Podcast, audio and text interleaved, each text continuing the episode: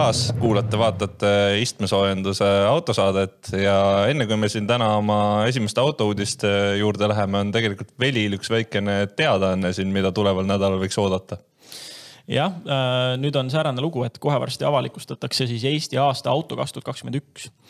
Ja nendest finalistidest äh, oleme me juba rääkinud ja nüüd üle pika-pika-pika aja tehakse seda siis äh, ürituse vahendusel, et selline isegi võib seda kutsuda galaks, et Saku Suurhallis juba sel neljapäeval see üritus toimub ja seda näeb siis Delfi tv ja Tehnikamaailma veebi vahendusel.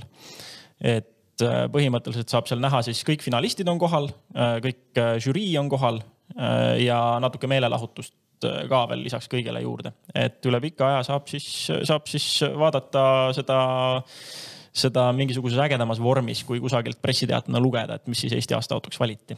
ja tegelikult äh, ma siin ikkagi veel natukene õrritaks, et meil täna on ka veel üks aasta auto finalist, millest me hakkame rääkima, kes Instagramis ja Facebookis meid juba jälgib, ilmselt ka teab, millest juttu on.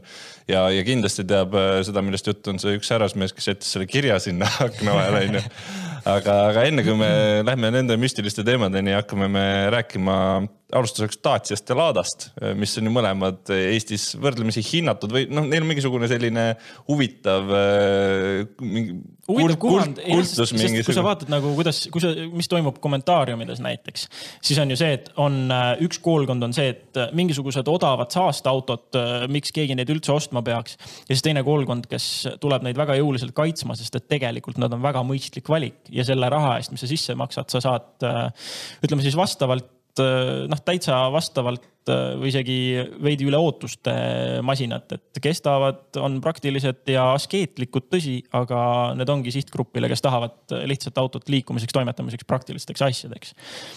Et taustaks võib-olla nii palju alustuseks, et äh, nii Dacia kui ka Lada kuuluvad Renault gruppi ja Renault Grupp nagu kõik teised äh, autotootjad praegu üritavad taga ajada mingit suurt muutust ja, ja see Renault suur muutus kannab siis äh, sellist natukene aju krigistama panevat nime nagu Renaulution.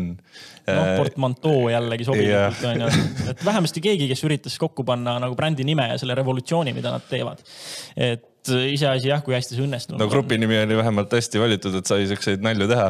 aga nüüd seoses sellega hakatakse ka üle vaatama kõiki neid brände, mis üldse sinna gruppi kuuluvad. Ja siis prantslased vaatasidki, et oot-oot-oot-oot meil on seal kuskil Rumeenias ja, ja vist kuskil Põhja-Aafrikas on ka Dacia'l üks tehas.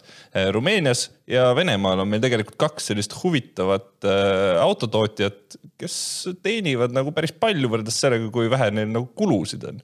ja tulidki selle peale, et kuule, et meil tegelikult nagu kakskümmend viis protsenti laias laastus tööjõukulusid on vähem seal Rumeenias ja Venemaal, et tegelikult saaks ju sealt veel välja pigistada. ja see, mille peale nad nüüd tulid, ongi see, et põhimõtteliselt äh, Dacia ja Lada bränd viiakse mingisugusele sellisele ühisele platvormile mingil määral vähemalt. ja nad tahavad äh, näiteks tuua rohkem äh, autosid CMFB platvormi peale. ehk siis see on see autobaas nii-öelda, mille peale see mudelid rajatakse, seal näiteks on praegu Dacia Logan, Dacia Sandero on selle peale ehitatud. ja nüüd on veel plaan tuua siin lähemate aastate jooksul sihukene mudel nagu Dacia Bigster ja veel Lada Niva sellesama platvormi peale noh, mis ikka kulusid kokku hoiab, on ju autotootjatele tõesti on siis ühtlustamine, nii-öelda leivad ühte kappi panemine, et sama, mida BSA ja FCA oma selle Stellantis ettevõtmisega teevad. no ja et, äh, Volkswagen Grupp on seda teinud nagu aastaid, et erinevate brändide lõikes on tegelikult seesama platvorm on seal all, on ju. ja, ja ongi see, et see kokkuhoid, mis saavutatakse, on tegelikult ju ikkagi massiivne sellest ühtlustamisest, et kui mitu suurt brändi hakkavad arenduskulusid, ehituskulusid kokku koomale tõmbama, siis loogiline, et nad saavad, nad saavad seal teha seda, et nad saavad võib-olla pakkuda kliendile kliendile tema raha eest natuke rohkem autot selle, aga lõppkokkuvõttes on neil ikkagi suuremad kasud sees selle kokkuhoiu pealt. jah, et nad ongi siin välja käinud ka ühe numbri, et uh, uute laadade ja uute Daciate osadest uh, umbes kaheksakümmend viis protsenti võiks siis põhimõtteliselt tulla samast tehasest, olla põhimõtteliselt identsed. et see on tegelikult näitab, et uh, muutub see asi lihtsamaks. ja noh, sellest uudisest võib ju igaüks teha omale lõppude lõpuks ühe sobiva järelduse, et kas Daciad lähevad kehvemaks või laadad lähevad paremaks niimoodi naljatledes, aga aga üldjoontes on see, et äh, ilmselt nii Nissanid, Renault äh,, Ladad kui ka Daciad muutuvad lähiaastatel siin kõvasti sarnasemaks ja eks seda nad on juba siiani ka teinud. et on müünud äh, osade brändide nime all näiteks mingeid teisi mudeleid, et mm -hmm. mingeid Daciaid on müüdud näiteks Nissani ja Renault margi alt mingitel turgudel, kus need brändid on tuntumad olnud. et ilmselt saab seda siin nüüd äh, lähiaastatel kõvasti rohkem näha kui me siin äh, viimastel äh, nädalatel mingisuguseid väga huvitavaid selliseid spordi, sportlikumate autode uudiseid ei ole olnud, siis äh, tegelikult nüüd on ka midagi selles vallas positiivset, et me ju teame kõik, kuidas need emissioonistandardid poovad järjest seda, et autotootjad tahaksid neid lahedaid ja huvitavaid autosid teha. aga Peugeot, kes siin ka juba Veli mainis siin Stellantist, on oma ühinemised FCA grupiga lõpule viinud siis äh, nemad on nüüd otsustanud, noh, muidugi on palju äh,, muidugi palju kõneainet tekitanud see, et nad äh, plaanivad üldse osad äh, Ameerika brändid vist kinni keerata. no see on ja... jah, siin hästi äh, selgelt näha ja räägitud, et äh, näiteks äh, Chrysler tõenäoliselt on üks neid, mis esimesena peab pillid kotti panema, sest et nad sõidavad juba pikka aega ainult mõne mudeli peal äh, Austraalias nüüd äh, jääbki vist üks mudel näiteks valikusse. Äh, ja üks iganenud mudel äh, kaob kohe varsti ka valikust ära ja uut asemele tulemas ei ole. sama on näiteks Lanciaga, et noh, mida sina Lanciast viimasel ajal nagu kuulnud oled?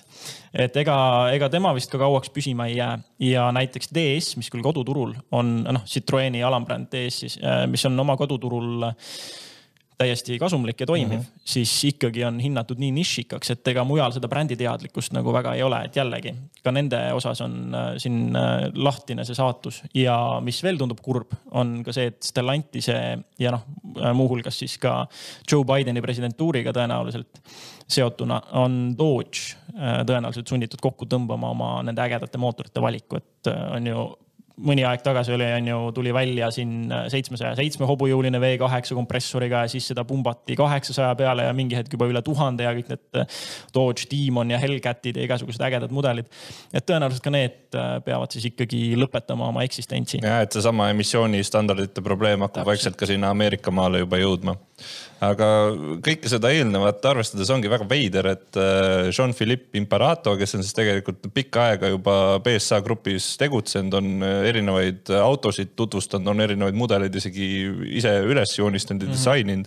siis äh, ta andis teada, et prantslased plaanivad nüüd Peugeot's teha tervest oma mudeli valikust sportversioonid ja no, esimene. kuidas, kuidas sulle meeldiks Peugeot viis tuhat kaheksa by ma, Peugeot Sport Engineer? ma juba mõtlesin selle peale nagu kurbusega, et tegelikult esimene auto, mida nad tutvustasid, viissada kaheksa on ju Peugeot Sport Engineer mm -hmm. BSC see on ju väga huvitav masin selles mõttes, et viissada kaheksa on mulle tegelikult kogu aeg meeldinud just oma nagu visuaalse välimuse poolest ja võib-olla sellest nagu võimekusest ongi natukene vähe olnud seal. aga siis ma mõtlesin selle peale, et okei okay,, mis autod siis veel Peugeot seal mudeli valikus on? Ja siis ma mõtlesin äh, kaks tuhat kaheksa, kolm tuhat kaheksa, viis tuhat kaheksa ja, ja siis ma juba jõudsin nagu selleni, et okei okay, nüüd tehakse kõikidest nendest autodest ka järelikult sportversioonid. aga jah, nüüd on küsimus, et mida, mida täpselt selle sportversiooni all ikkagi mõeldud on, et seal ei ole täpsustatud, et äh, kui see viissada kaheksa BSC on ikkagi noh, sihtotstarbeline sportauto tundub.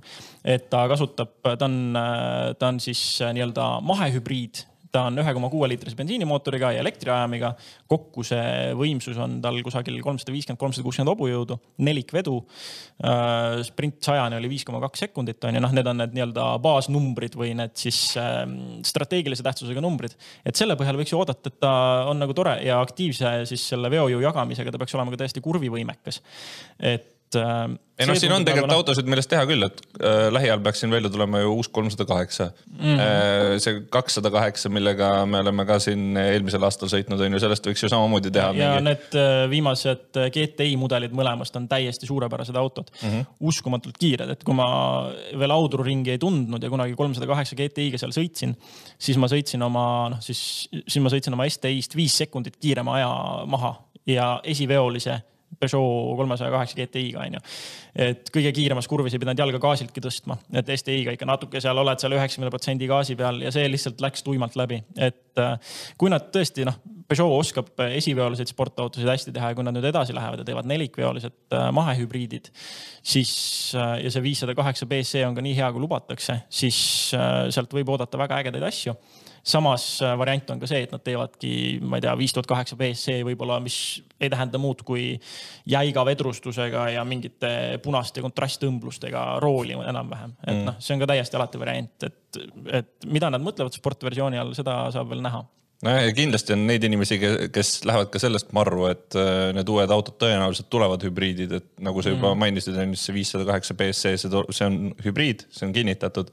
aga nendele inimestele ma soovitaks lihtsalt äh, võtke Google lahti, toksige sinna sisse Porsche üheksa üks üheksa Hybrid Evo ja, ja siis saate väga hästi aru ka, miks need autod võivad hübriidid olla ja miks meile kõigile on ka parem, kui nad on hübriidid. ja no sest tegelikult ei ideeliselt ei ole seal ju äh, midagi kehva selles mõttes, et äh, bensiinimootori äh, turbomootori, mis iganes sisepõlemismootori nii-öelda jõukõvera tühjasid kohti, mis tahes-tahtmata on, olgu sul nii arenenud turbotehnoloogia või kompressori tehnoloogia, kui sa tahad sinna jäävad mingisugused tühjad kohad, sinna jäävad mingisugused madalad äh, nurgad, mis tuleks äh, ära siluda ja elektriajam saab selle tööga tegelikult väga hästi hakkama. et ainuke asi ongi see lisa, lisatud mass, aga jällegi seda varjavad meil äh, moodsad, väga arenenud veojõu jagamissüsteemid on ju, mida ei pane tähelegi. nelikroolimine on alati aidanud siin massi varjata. et ühesõnaga neid meetodeid on, need autod võivad ka hübriidina olla väga lõbusad, et puristid selle koha pealt Äh, kartma ei pea, mina sealhulgas, et on ka väga ägedaid kiireid hübriide.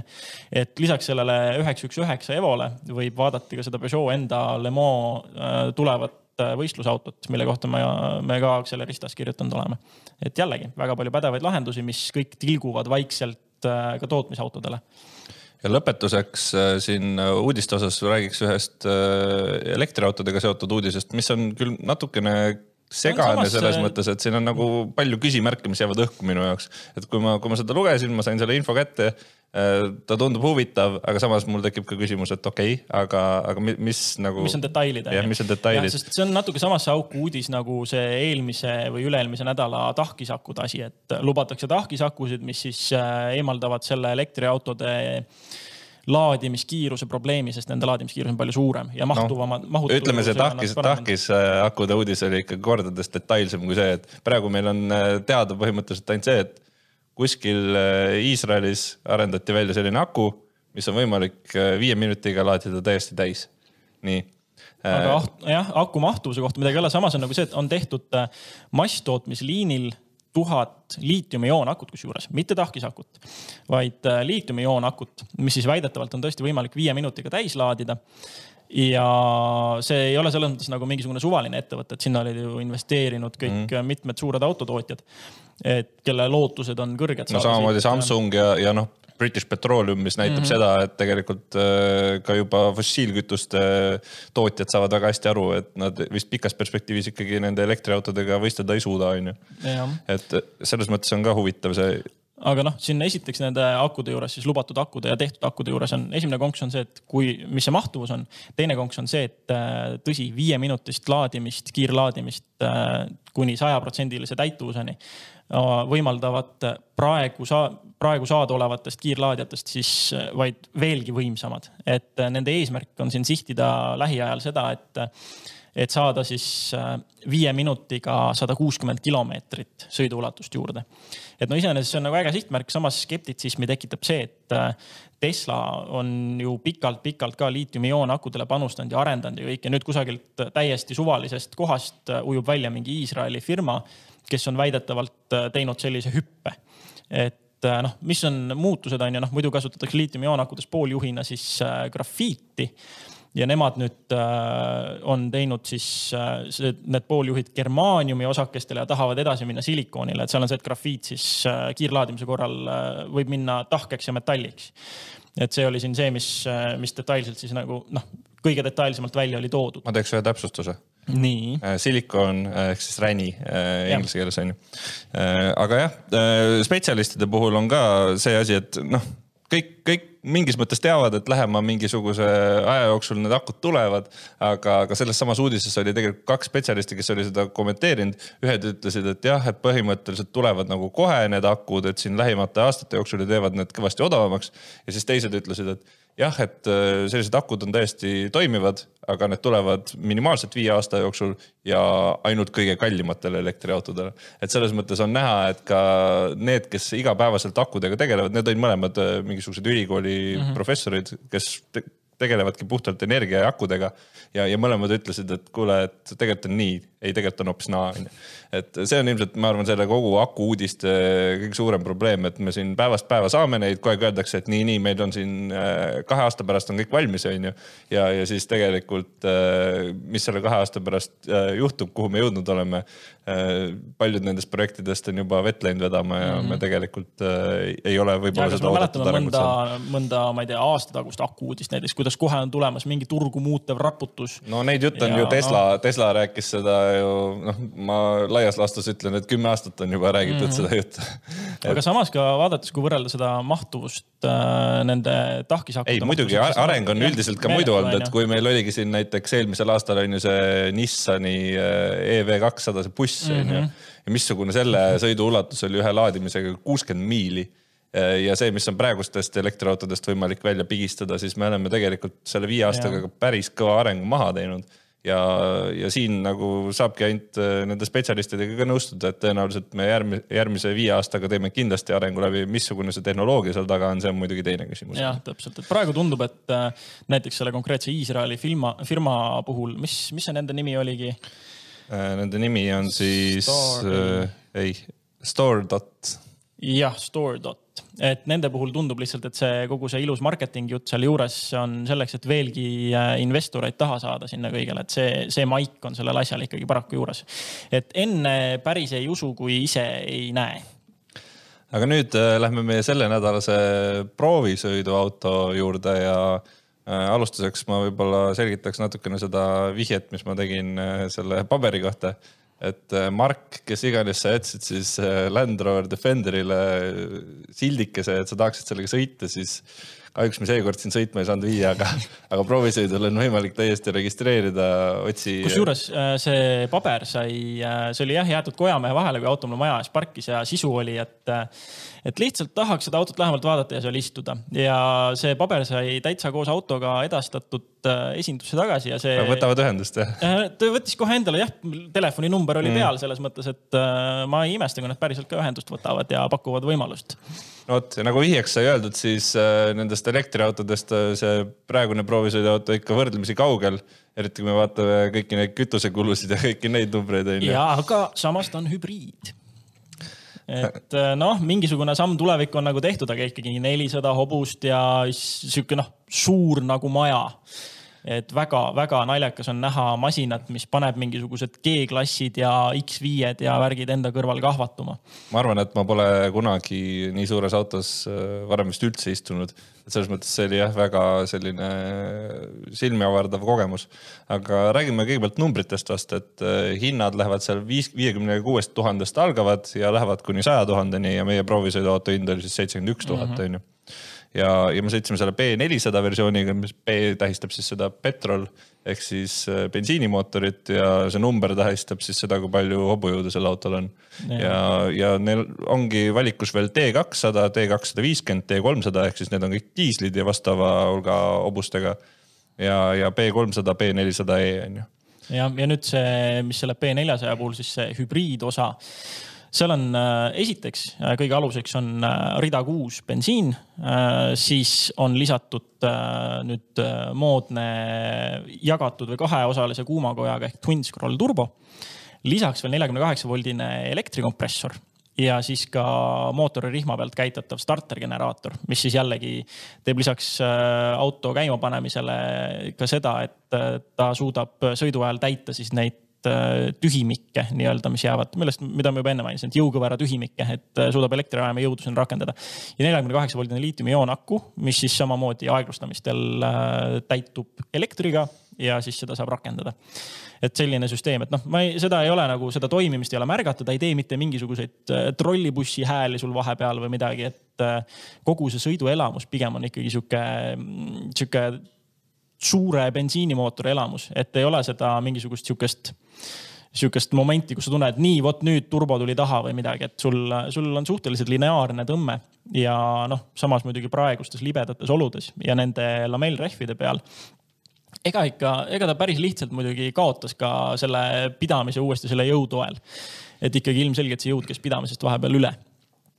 aga kuidas, kuidas sul see kogemus nagu oli, ma saan aru, et sa tegid temaga ikka üpris pika tiiru see oli ainult hea, et noh, ütleme, ega Defender oma olemuselt peab ju olema midagi sellist, mis ongi natukene siukene machomehe auto mm -hmm. või selline mine ja tee, mis tahad sellega, onju ja, ja ma natukene üritasin seda mõtet äh, järgida ka ja ma käisin, äh, käisin lumes sumpamas, kuna meil on ideaalsed võimalused selle jaoks mm, -hmm. noh, mille jaoks see mõeldud on, on ju. vees sumpamiseks, lumes sumpamiseks, liivas sumpamiseks, on ju. kõigest ülesõitmiseks. ja tundus nagu loogiline, kui ma vaatasin välja ja vaatasin, et mingisugused poolemeetrised lumehanged on, et okei okay,, siis äh, lähme sumpame lumes.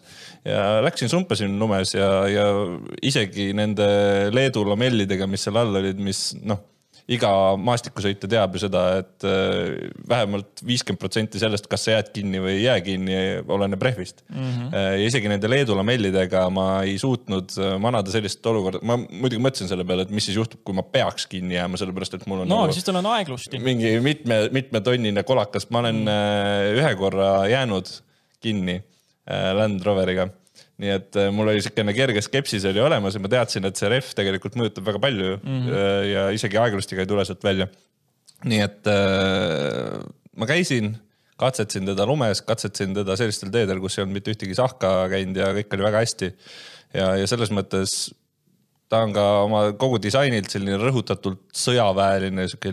noh, robustne, robustne, aga samas ta ja. suudab ka balansseerida hästi selle koha peal, et sa ei tunne seal salongis seda, et sul on mingi logisevad plastikud või et kõik oleks metallist, onju. et ta on ikkagi luksuslik, aga samal ajal ka annab sellist äh, lihtsuse maiku. see on väga äge sihuke disainikeel, äh, mis on saavutatud selline, selline kombo, et sul tõesti ongi just täpselt nagu sa ütlesid, robustsus ja luksus ikkagi.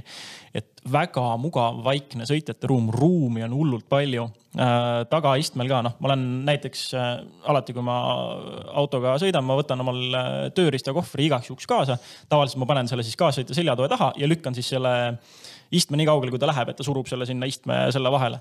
no vot selles autos oli ruumi nii palju, et äh, üle pika aja ma sain suure tööriistakohvri panna lihtsalt lapikult maha ja ei saanud seda, noh, seda ei saanud mitte kuskile vahele suruda, et lükka iste kuhu tahad. ruumi oli jõhkralt palju, et noh, kui sa selle autole peale vaatad, siis ilmselge, et noh, see, see oleks väga suur möödalask, kui väljast on nii suur ja sees on ikka kusagilt äh, pitsitab teine asi, mis silma jäi disaini osas, näiteks selle robustsuse osa just ma ei tea, kas märkasite, eesmised uksepolstrid näiteks mm -hmm. on selliste stiliseeritud mustaks värvitud torksidega kinni lastud, et Äh, et selline jälle naljakas sihuke äge disaini puudutus. no mulle meeldis veel näiteks äh, pagasiruumi see kummimatt, mis oli maas, et see mm -hmm. nagu kvaliteetne matt, mitte selline kummimatt, nagu sa lähed ja ostad kuskilt äh, autopoest kümne euroga onju yeah.. vaid ikkagi kvaliteet, sa tunned, et see on sihuke matt, et ma võin siia nagu visata mingisuguseid kaste järgmised viis aastat ja tõenäoliselt ei tule mm -hmm. kuskilt nurkadest lahti onju, et selles mõttes kõik super.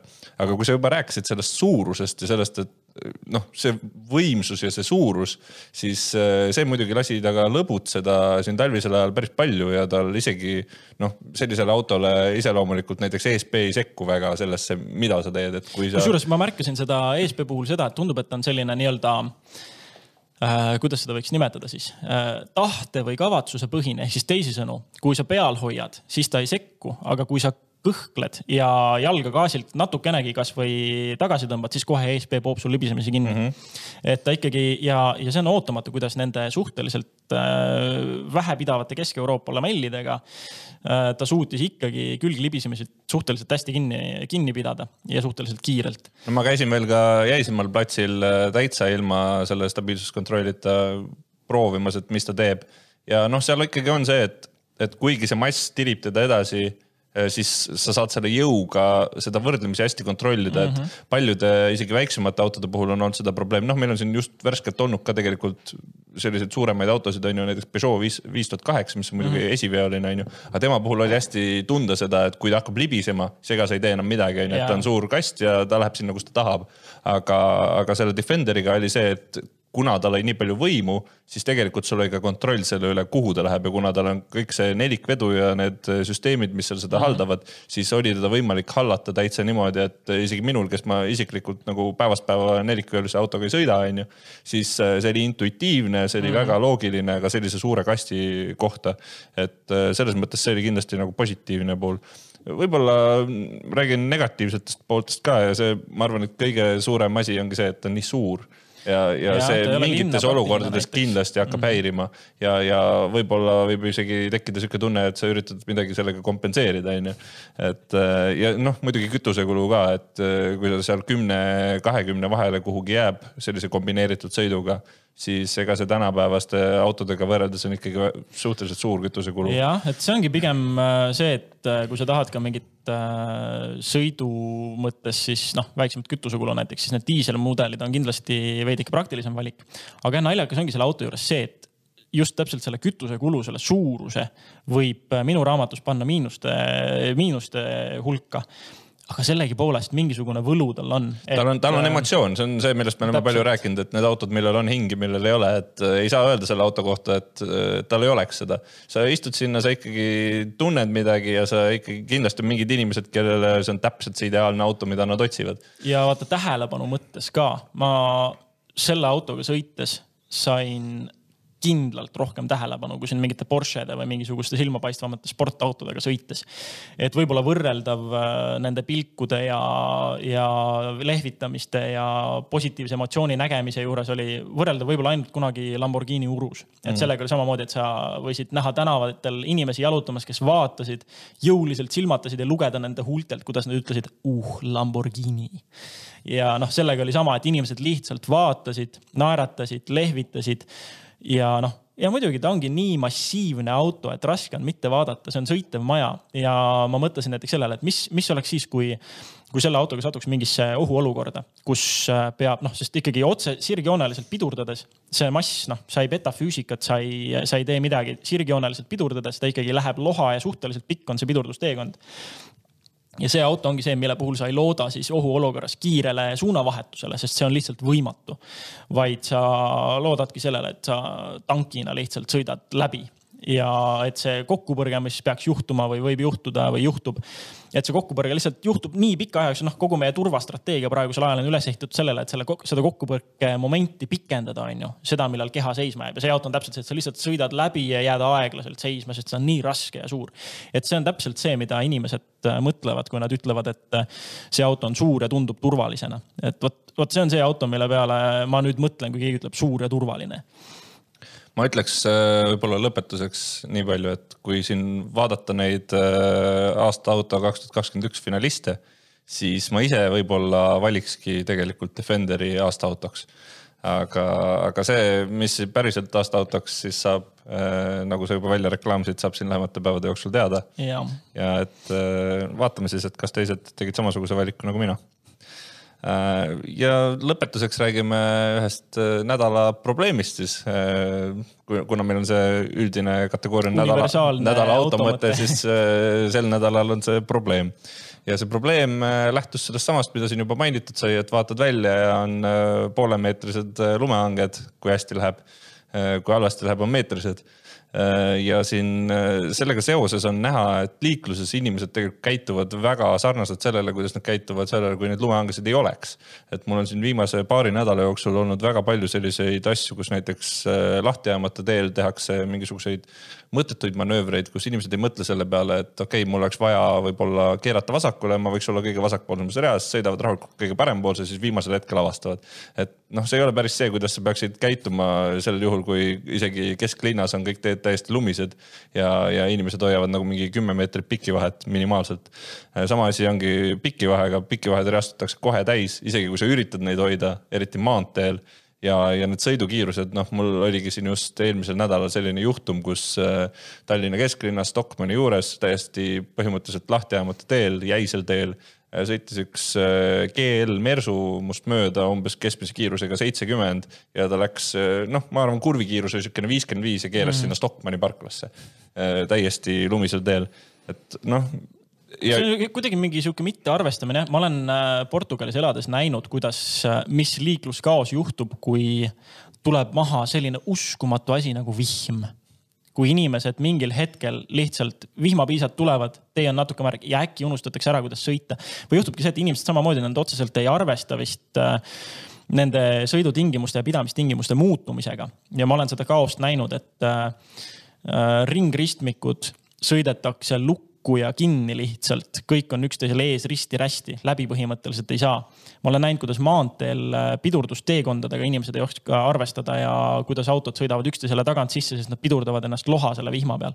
täpselt selline tunne, et vihmapiisad tulid ja sõiduoskus ununes, et tundub, et meil on siin nagu natukene vastupidine olukord tõesti, et see on see sihuke põhjamaine kargus ja, ja siis võib-olla sihuke kerge üleolevus, et me ju sellised olud me oskame sõita, et ähm, et inimesed ei panegi võib-olla nagu noh, nad, nad ei peagi vajalikuks äh, muuta oma sõidu, sõiduharjumusi siis, kui on tingimused muutused, võib-olla ma ei tea, kas USA. ei, seda, seda näitab või... ka see, et kui ma olen vaadanud, kes need inimesed on, kes sõidavad, on ju, siis need ei ole nagu rullnokad või mingisugused lihtsalt, kes keegi tahaks kiirendada mm -hmm. või keegi tahaks kuskil linnast driftida või need ei ole nagu siuksed juhtumid. vaid tihti ongi see, et see on mingisugune keskealine inimene, tavaliselt on need need, kes hoiavad, vaata rooli hoiavad siit alt on ju ühe käega yeah., teise käega on telefonis ja siis kütab seal mööda lumist teed seitsmekümnega lihtsalt kesklinnas on ju.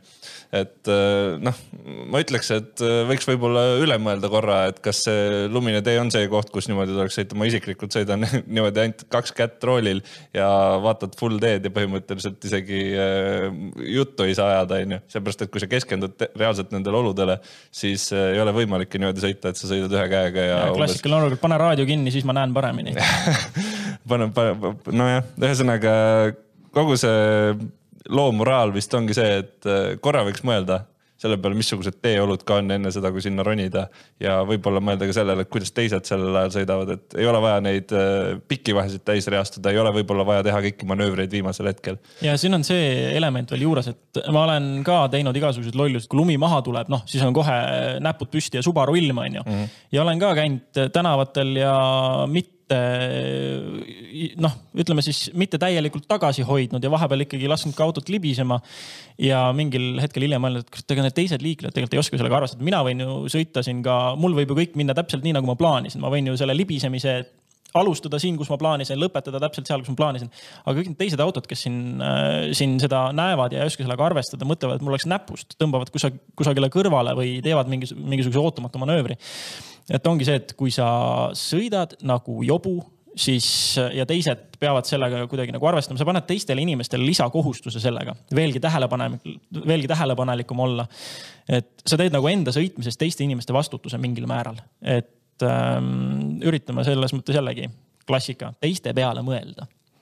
No vot ja meil on endal ka kindlasti selles vallas veel arenemist, nii et tegeleme sellega ka vot selline saade meil äh, sel nädalal oli ja loodava, loodetavasti kuulate, näete, vaatate, kirjutate meile terve selle nädala jooksul ja loomulikult minge ka sotsiaalmeediasse, pange meile like'id, follow'id, värgid, särgid.